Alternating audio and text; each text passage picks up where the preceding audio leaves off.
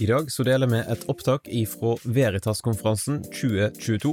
Veritas-konferansen er i hovedsak et samarbeid mellom tre organisasjoner. NLA, Mediehøgskolen Gimlekollen, der Damaris Norge er en randsonevirksomhet, og laget NKSS og Bibelskolen i Grimstad.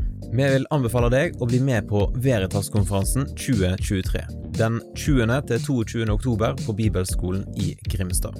I 2023 så vil hovedtemaet være Fornuft og fantasi arven etter CS Lewis. Sjekk ut veritaskonferansen.no for mer informasjon, og meld deg på i dag.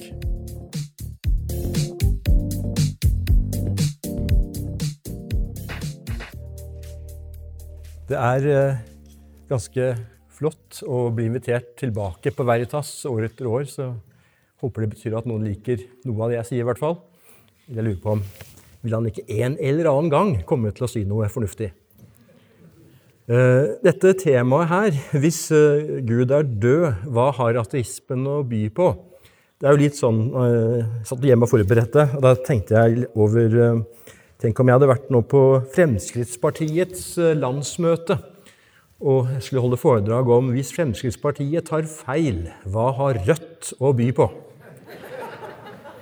Så dette blir kanskje ikke helt nøytralt, er poenget mitt.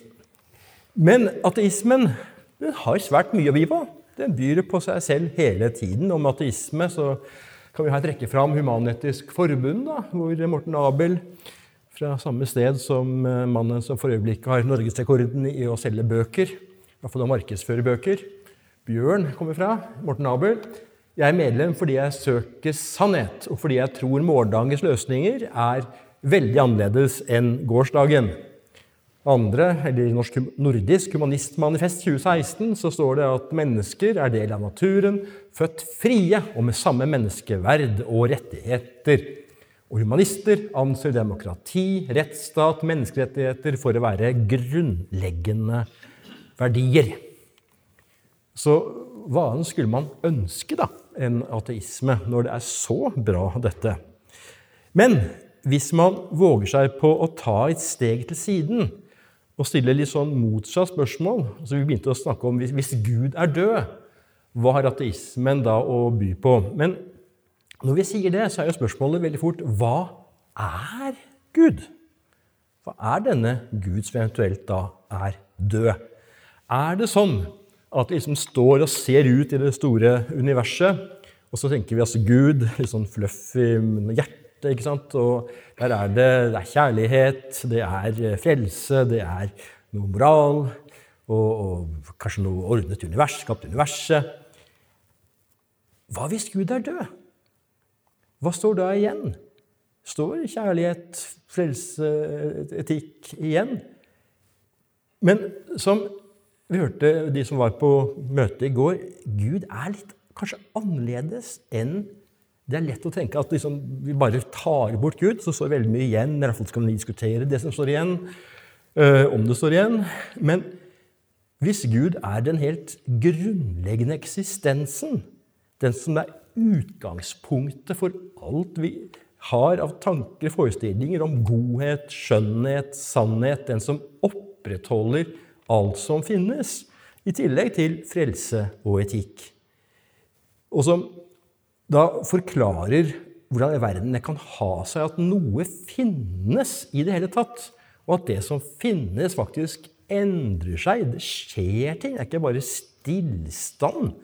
At universet slik en del fysikere, mange fysikere forklarer. Det er fininnstilt for liv. Hvis det bare hadde vært bitte lite små endringer i naturlover, naturkonstanter osv., så, videre, så hadde ikke liv vært mulig.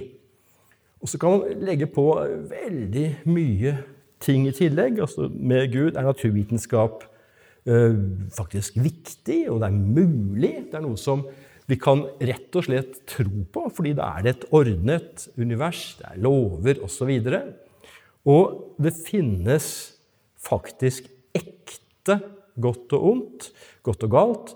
Det er noe vi kan finne, og ikke bare finne på. Og så er det rett og slett masse andre ting, mening og håp osv. osv. Men hva hvis Gud er død? I en sånn virkelighet, da er det ikke noe igjen. Det er alt borte. Da finnes det ikke engang ateister som har noe å by på.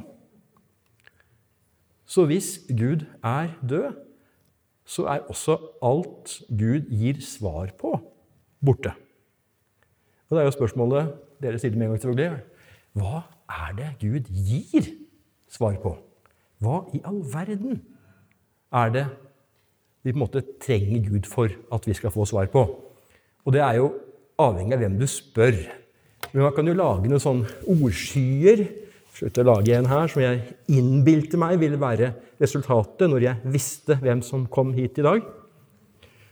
Og det er jo rett og slett det som betyr noe for, for, for tilværelsen. Altså det er filosofiske spørsmål. handler om hva slags virkelighet vi lever i.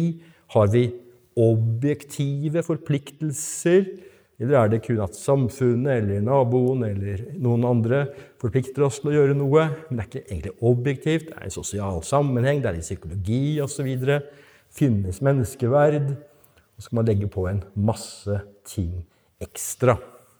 Fordi det er, slik som vi hørte i går, Gud som er utgangspunktet da for tilværelsens altså Alle disse verdiene. Mening, verdier, håp.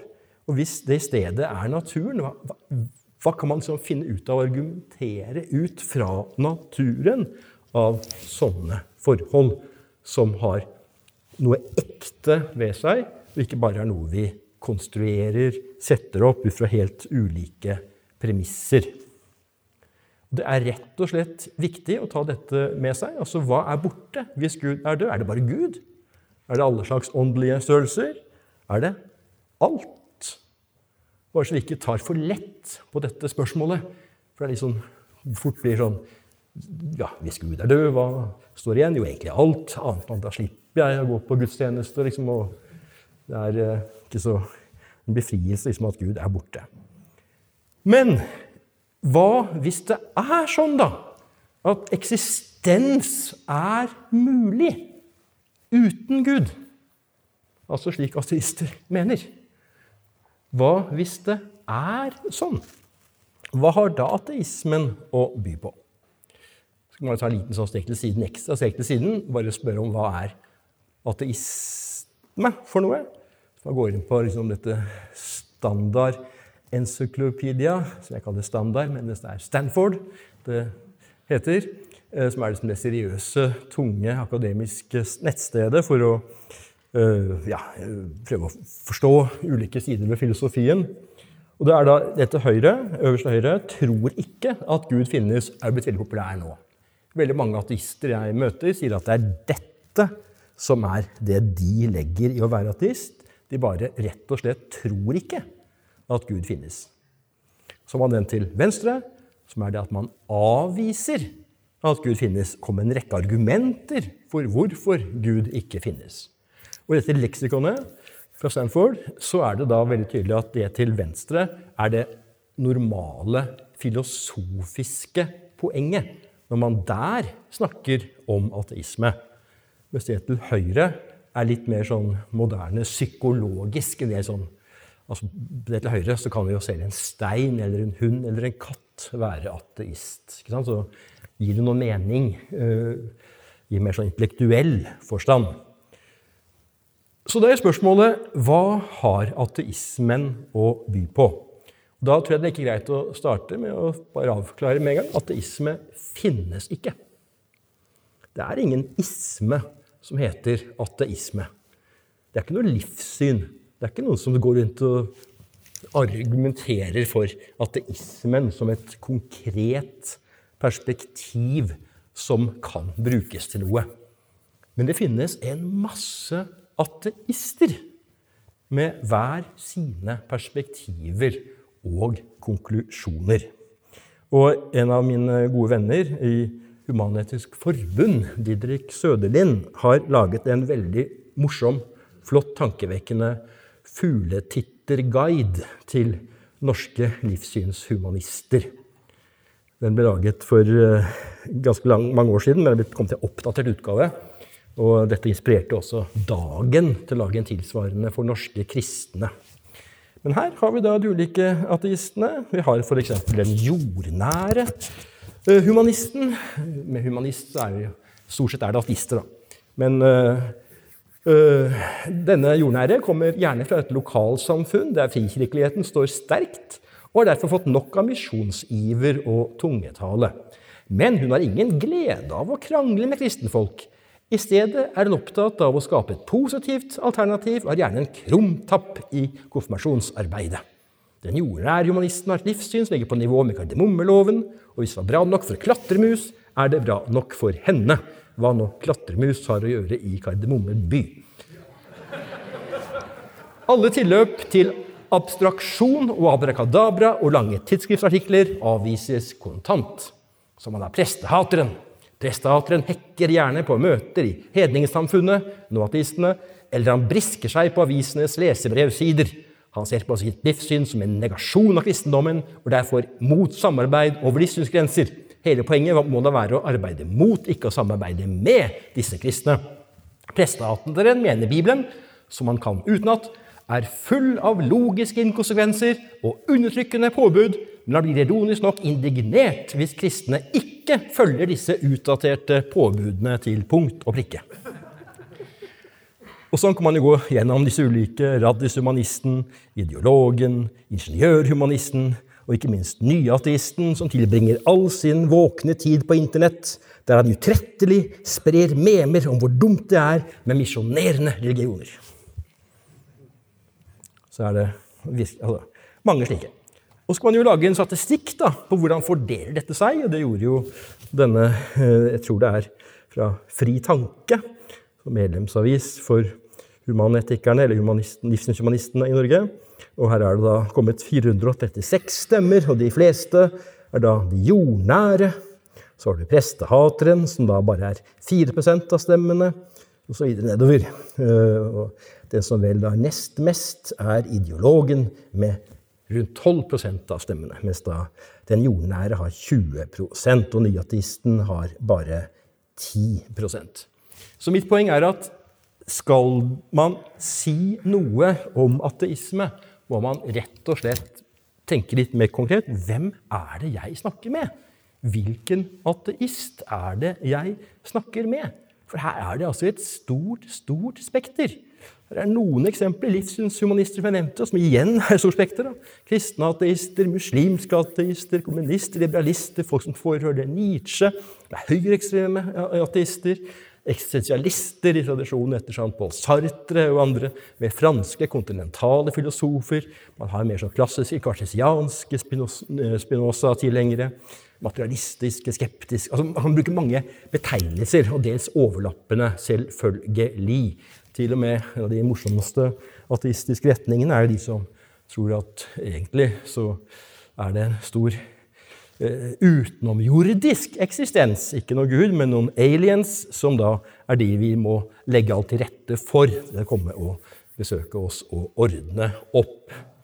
Ser jo veldig parallell til kristen tro, men det er bare at det er noen utenomjordiske som kommer tilbake. De har vært der før, men kommer tilbake og skal ordne opp. En av de ateistene som har vært veldig klar og tydelig på at ateisme For ikke det ordet igjen, da, selv om det ikke er noe som uh, man bør ligge for mye inn i. At det er noe som har en positiv, er et positivt alternativ til kristen tro, er jo Richard Dawkins. Noen som har lest denne boken hans, 'Gud en vrangforestilling'? Det er i hvert fall to usual suspects som har lest uh, den. Uh, dette er en veldig krass uh, bok. Til dels ufin, til dels ja, full av feil, vil jeg si, som har skrevet to bøker om den. Men den viser nok ganske mye et ståsted litt sånn nyateistisk, sånn sinneateistisk mot religion. Og mye her som går på å prøve å ta noen typer konsekvenser av det de ser uh, som liksom sin rasjonelle, vitenskapelige tilnærming. Og da stiller uh, han seg delvis i hvert fall i samme leir som en sånn vitenskapspopularisator, astrofysiker, som heter Neil deGrasse Tyson, uh, som understreker at hele verden sliter med å forstå hvor ubetydelige vi egentlig er i universet. Altså for Tenk det. Hvis man er ateist, så betyr jo det at det som finnes, er liksom naturen, naturprosessene, hvordan nå de er. Og hvis man ser på universet, så er jo det ekstremt stort. Vi så jo noen bilder i går kveld hvor Sverre Holm forsøkte å forklare hva dette betydde med galakser og det ene og det andre. Og disse med rød beveget seg vekk fra oss osv. Og, så og det var ekstreme avstander her i universet og ekstrem tid. Milliarder av år. Og for å vise dere hva det er man snakker om her Her har vi altså øh, fra en eller annen begynnelse, hvis vi skal holde oss til Big Bang eller digre bang, så er det ja, Kanskje universet varer i 20 milliarder år, bare for å si noe. Uh, og så er det et eller annet sted her sånn, så er det en bitte, bitte liten prikk. og Vi kan jo forstørre, se hva det er. Det er et menneske som har et spørsmålstegn. Lurer på ting. Lurer på hva ateismen har å by på, f.eks. Og det er jo da sånn at man kan tenke at hva er dette mennesket? Ser du på Grimstad? Du er en liten prikk sammenlignet med hele Grimstad kommune. Bitte liten. Det er mange kvadratkilometer, og du er liksom Ikke så mange kvadratkilometer du er, men det er ikke mange. Og denne prikken i Grimstad, den er en prikk på jorden. Og denne jorden er en prikk i solsystemet, som er en prikk i galaksen, som er en prikk i universet, som er en prikk i multiverset. Og en prikk i tiden. Du og jeg varer 70-80-90-100 år, kanskje, i beste fall. Men universet varer i milliarder på milliarder på milliarder av år. Begynner dere nå å skjønne hvor ubetydelige vi er? Hvor ubetydelig du er? Du er ett. Det er ikke et null, men det er en prikk. Bitte, bitte liten prikk. Men det jeg nå sier, er det en ny oppdagelse. Så plutselig har ateister oppdaget dette, og da har de skjønt ah, derfor er det riktig å være ateist. Nei, det heter standardkunnskap på middelalderens universiteter, basert på den klassiske astronomien med Potelemaios som den store uh, tenkeren i en periode, og som har laget den læreboken, Almagest, som den het. Der sies det da at jorden er som en prikk sammenlignet med himlene. Så alle kristne tenkere og kristen teologi har jo vært klar over dette. At du er en prikk. Jeg er en prikk. Men har det hatt noen betydning for synet på oss selv. Ja, kanskje vi kan jekke oss litt ned iblant, men verdien din og min avhenger ikke av hvor store vi er. En som er 1,70, er like verdifull som en som er 1,70 og en halv. Er man 1,80, så kan det jo være litt med, da. Men det har altså ingen sammenheng med hvor stor du er. Eh, jeg sa litt i stad om hvordan jeg ble kristen. Det var da jeg var 19 år. Og nei, det er ikke ti år siden. Eh, det er eh, Jeg er liksom veldig entusiast, så jeg var der på en nyttårskonferanse med ungdom i oppdrag ett år senere. Og da var jeg da i pausen mellom eh, alle disse mange talene, så løp jeg opp sammen med en kompis på videorommet og så på videoer. Så var det ikke et sekund på konferansen hvor jeg ikke eh, så på videoer eller taler. Jeg hadde med oss maten inn på videorommet. En av disse talene holdt av en eh, aktiv, engasjert leder tror jeg det var, i humanhet, nei, humanetiske med oppdrag på den tiden, Eivind Frøen. Han hadde tidligere holdt dette på en debatt i Studentersamfunnet i Trondheim. En debattmøte mellom det var vel da laget og, og Human-Etisk Forbund og daværende Hedningesamfunnet. Og han åpnet dette med for å vite hvem du er, må du vite hvor du kommer fra. Og ikke for å vite hvem du er, må du vite hvor mange kvadratkilometer du er. Fordi spørsmålet om veldig mange ting handler om hvor vi egentlig kommer fra. Og Da er det to store hovedalternativer. og så kan man si en masse varianter rundt disse da. Men Det ene er at vi har et upersonlig opphav. Altså at et opphav, en eller annen energifelt, et eller annet, kvantevakuum, hva man nå snakker om innenfor fysikken Dette opphavet mangler selvbevissthet, vilje, tanke, frihet, kjærlighet, person. Det er ikke noe person, det er ikke noe vilje, det er ikke noe som gjør noe. Det bare er. Det bare finnes. Alternativet er da en eller annen form for et personlig opphav som alle ting kommer fra. Og dette opphavet har jo alltid vært et du. Og det har da en personlighet som er bevisst, selvreflekterende, selvbestemmende, det er handlende, det kan være kjærlig. Og så er spørsmålet, når man ser på seg selv i dag, ikke ut fra hvor stor man er i universet, men sin opplevelse av seg selv som person, med verdier, ja, følelsen av at jeg har en viss frihet, i hvert om jeg kanskje ikke har 100% frivillige. Jeg har stor tro på noe er rett, og noe er galt. Rasisme er galt. Det er veldig sånn ligger i oss. At rasisme er galt. Og de som da er rasister, da skjønner man at her er det et eller annet som, som er helt grunnleggende gærent. Men hvilken av disse opphavene er som gir mest grunnlag for denne selvopplevelsen. Hvis alt egentlig er fysikk, slik Alex Rosenberg vi hørte om i går, eh, mener Altså er verdier, er fornuft, er bøker, filosofi mulig hvis alt er fysikk? Altså kan et fysisk felt skrive en bok? Og hvis et fysisk felt blir til noe biologisk, blir til et menneske osv., er det fortsatt noe annet enn det rent fysiske som styrer dette helt fra Big Bang av. Og kan vi da si noe annet hvis jeg har gjort noe gærent? Blame me on Big Bang. Eller er det en person bak det fysiske, slik at det er et grunnlag for å ha en berettiget tro på at verdier handler om noe reelt. Vi har grader av frihet til å gjøre noe annet enn det atomene og kvantepartiklene på mange måter leder oss til.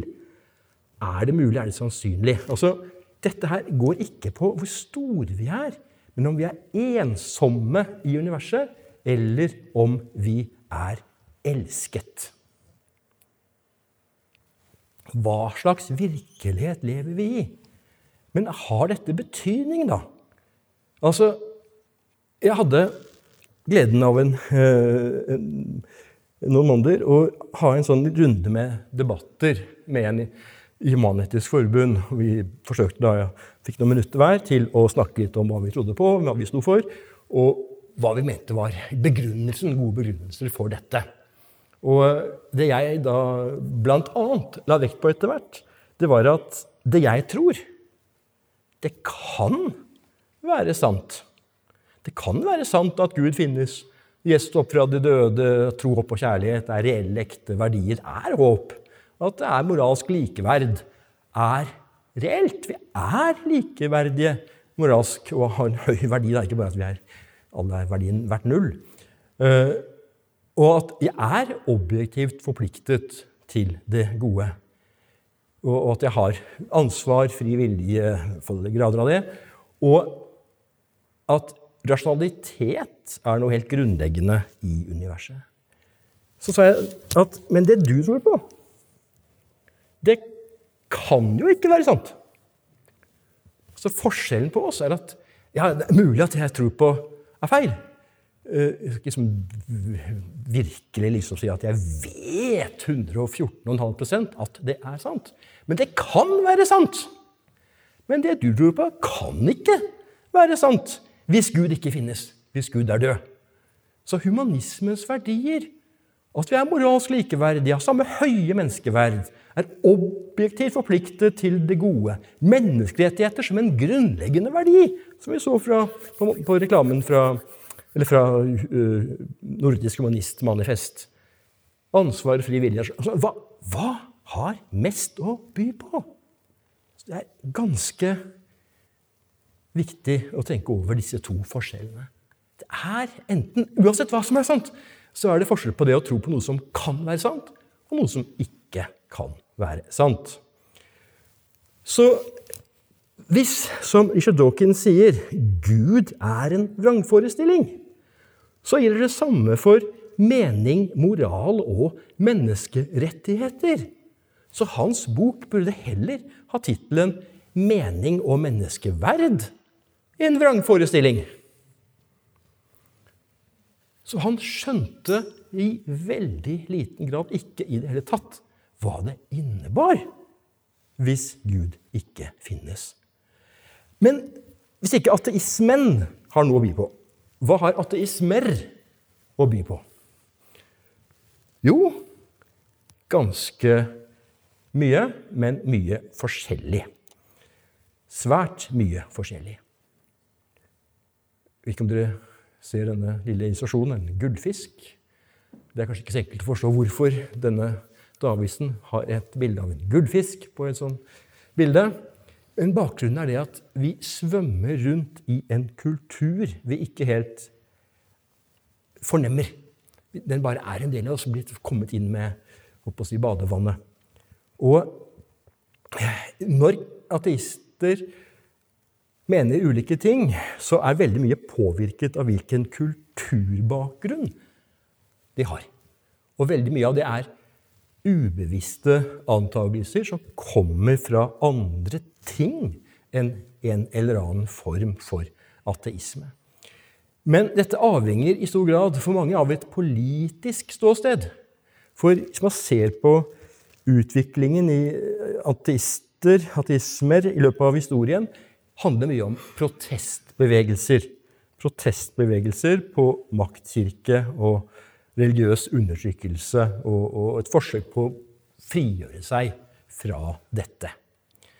Og her har man rett og slett også noe å ha med menneskesyn. Man kan oppleve, tenke at et kristent menneskesyn er negativt, syndelige osv.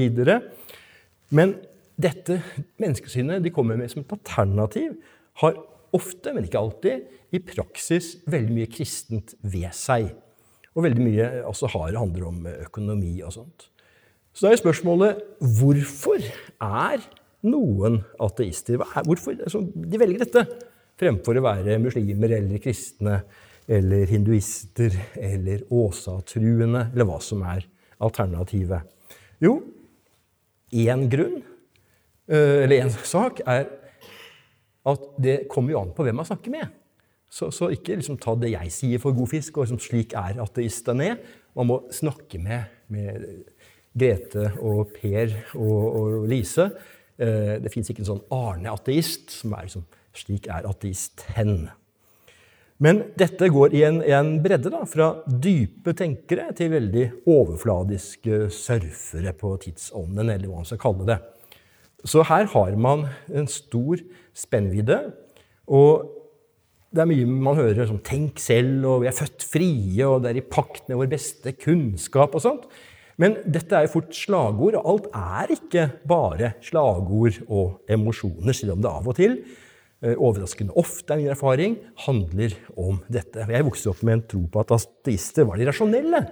De som hadde tenkt liksom grundig gjennom tingene og liksom veid sannsynligheter og muligheter og logikk osv. opp mot hverandre og sett dette objektivt og nøytralt, og landet så på å bli ateist. Men sånn er det altså ikke.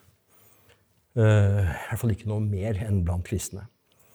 Men likevel så fremstilles det som det gode og fornuftige valget. Uh, det handler om at man er på vitenskapens og fremskrittets uh, side, sier man. Men så er det jo også sånn at altså, det er ikke bare en protestbevegelse og bare slagord og, eller noen dype tenkere som liksom etter mange mange overveielser har kommet fram til at dette må være riktig, men også noen som bare ønsker å gjøre noe positivt.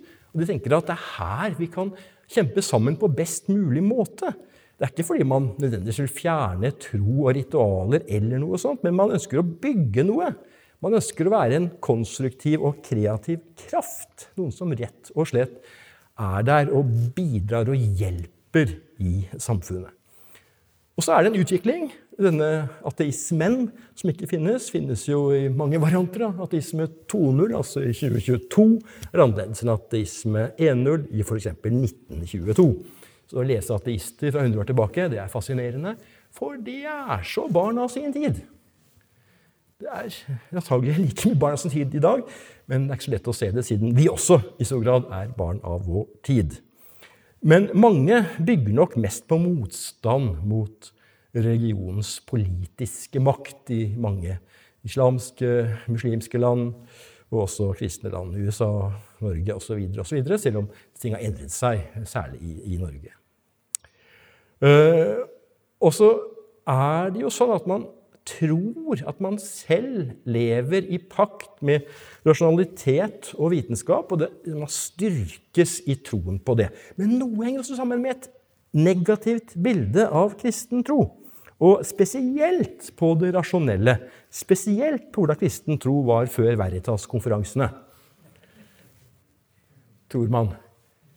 Så her er et eksempel da, hvor man ser på liksom, vitenskapens fremskritt oppover, og så er det tidsperiode bortover.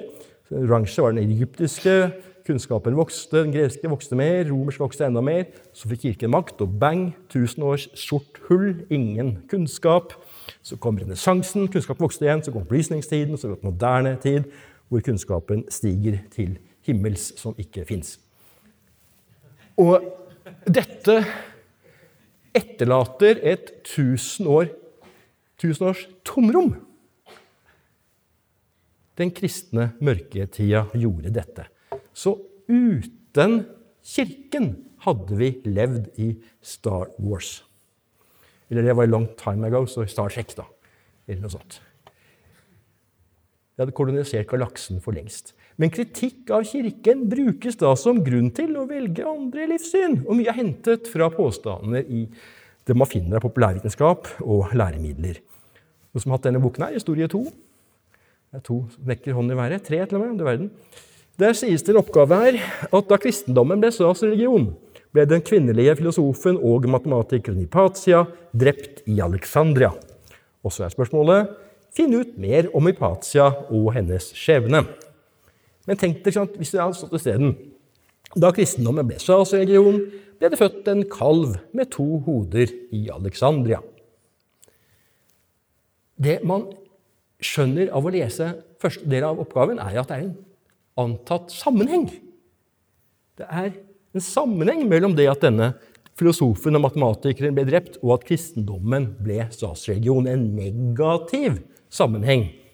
Og dette finner man veldig nøye beskrevet mange steder. Har noen sett denne filmen, Agora? Verdens vakreste kvinne, Reichel Welstad, var hun den gangen som da denne eh, vakre, skjønne, filosofiske damen på rundt år 400 i den store lærdommens eh, by Alexandria. Og i boken 'Filosofi for begynnere', som jeg antar at enkelte her selvfølgelig bruker på underviser, her kan vi da lese eh, med tydelige bokstaver om at slutten på den frie vitenskapelige tenkning, fremveksten av kristne dogmer og forfall i den gresk-romerske Sivilisasjonen symboliseres i Hypatias liv og død. Hva legger man ikke noe imellom? Hypatia var ikke særlig populær blant trangsynte kristne svermere i Grimstad. For det første var hun jo hedning, dernest filosof, forsker og matematiker. Dessuten en betydelig politisk figur, og attpåtil, her er det bare å holde seg fast, kvinne. På grunn av disse syndene ble hun dratt ned fra sin vogn, kledd naken og levende kuttet opp med skarpe skjell før hun ble brent. Drapsordenen kom sannsynligvis fra Sankt Cyril, patriarken i Alexandria. Vi har her en demonstrasjon av det kristne kjærlighetsbudskapet. Fra da gikk det bare én vei med filosofien, nedover bakke. I år 525 ble de siste filosofiske skoler stengt av keiser Justinian den mørke middelalder var i anmarsj. Så jeg vil gjerne be dere noe om å bli ateister her. Da vet dere at da går det bedre for kvinner og filosofer, og for i det hele tatt vitenskapen. Og jeg tuller ikke, iallfall ikke bare. Fordi hvis man ser på en bok som kom for noen år siden, en serie som heter På samme jord, en bokserie om religioner og livssyn for barn Unnveig er humanetiker. Ja vel, greit nok. Må være lov å snakke om det. Uh, og her ser vi innholdsfortegnelsen.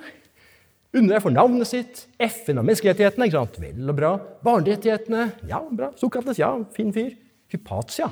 Hypatia. Galileo Galilei. Og så hva er rett og hva er galt? Borgerlig konfirmasjon, unnvåg av fødselsdag, basar, feire jul. Men hvorfor i all verden er det kapitler om Hypatia og Galileo Galilei i en bok om det humanetiske livssynet?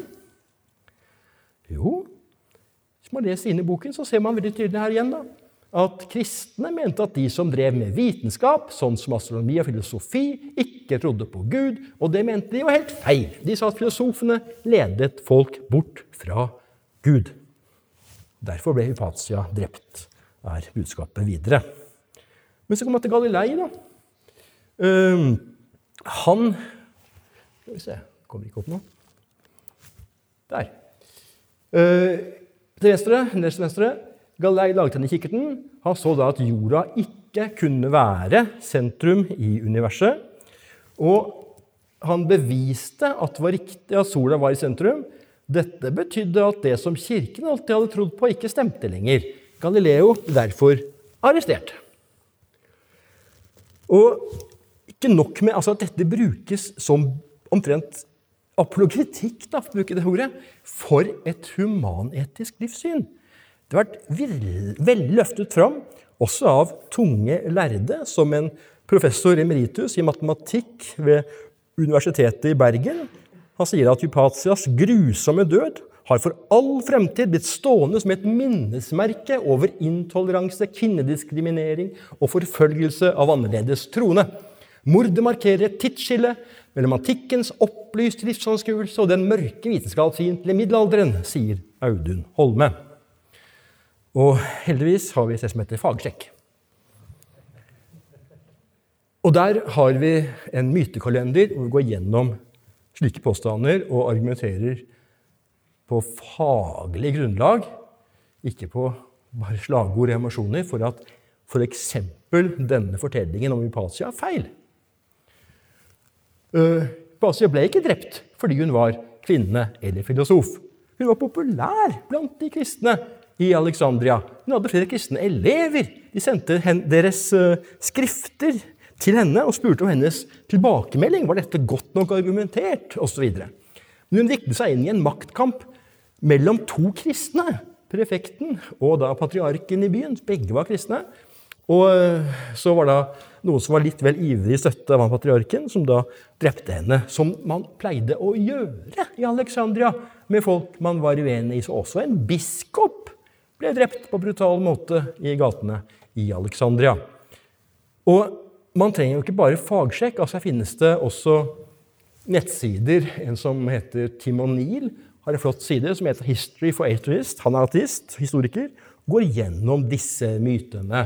Så er det, Av de store mytene er da nieren om Hypatia for, av Alexandria. Men uheldigvis brukes sånne feil, sånne myter og misoppfatninger om historien til å fremme ateisme. Så klokken er blitt 12.29. Er det lunsj 12.30? Det var synd for dere. Skal prøve å runde av litt fort her, men uh, ta litt to-tre minutter, kanskje. La oss nå prøve å illustrere hva det er jeg egentlig sier her. Hva hvis du ble ateist? Du hadde lest om Hypatia. Nei, vil ikke stå og støtte en kirke eller en religion som har oppført seg sånn mot tenkere og vitenskap og osv. Hva ville du da tenkt annerledes om å være rett og galt, høflig og fint, når du lever i den gullfiskbollen av norsk kultur som vi har den i dag.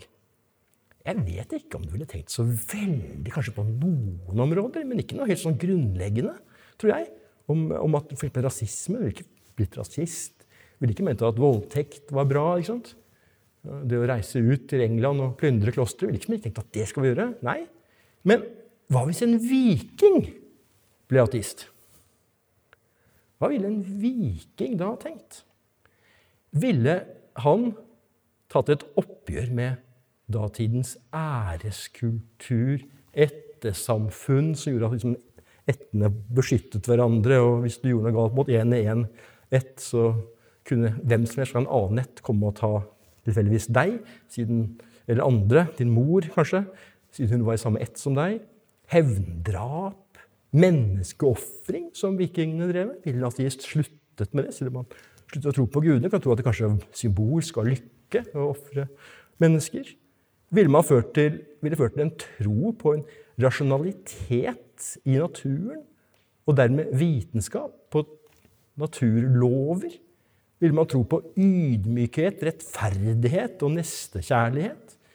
Ville man hatt et ønske om å hjelpe de svake? Ville man avskaffe trelleholdet, slaveriet? Ville man hatt, fått overgang til skriftskultur med universiteter og allmennskole osv.? Man kan bare legge på overgang fra en sirkulær tidsoppfatning til fremskrittstro. Ville man det? Nei, er min påstand. Fordi måten man forstår hva som er rett og galt, henger ofte sammen med den kulturen man kommer fra. Og de impulsene man møter. Så f.eks.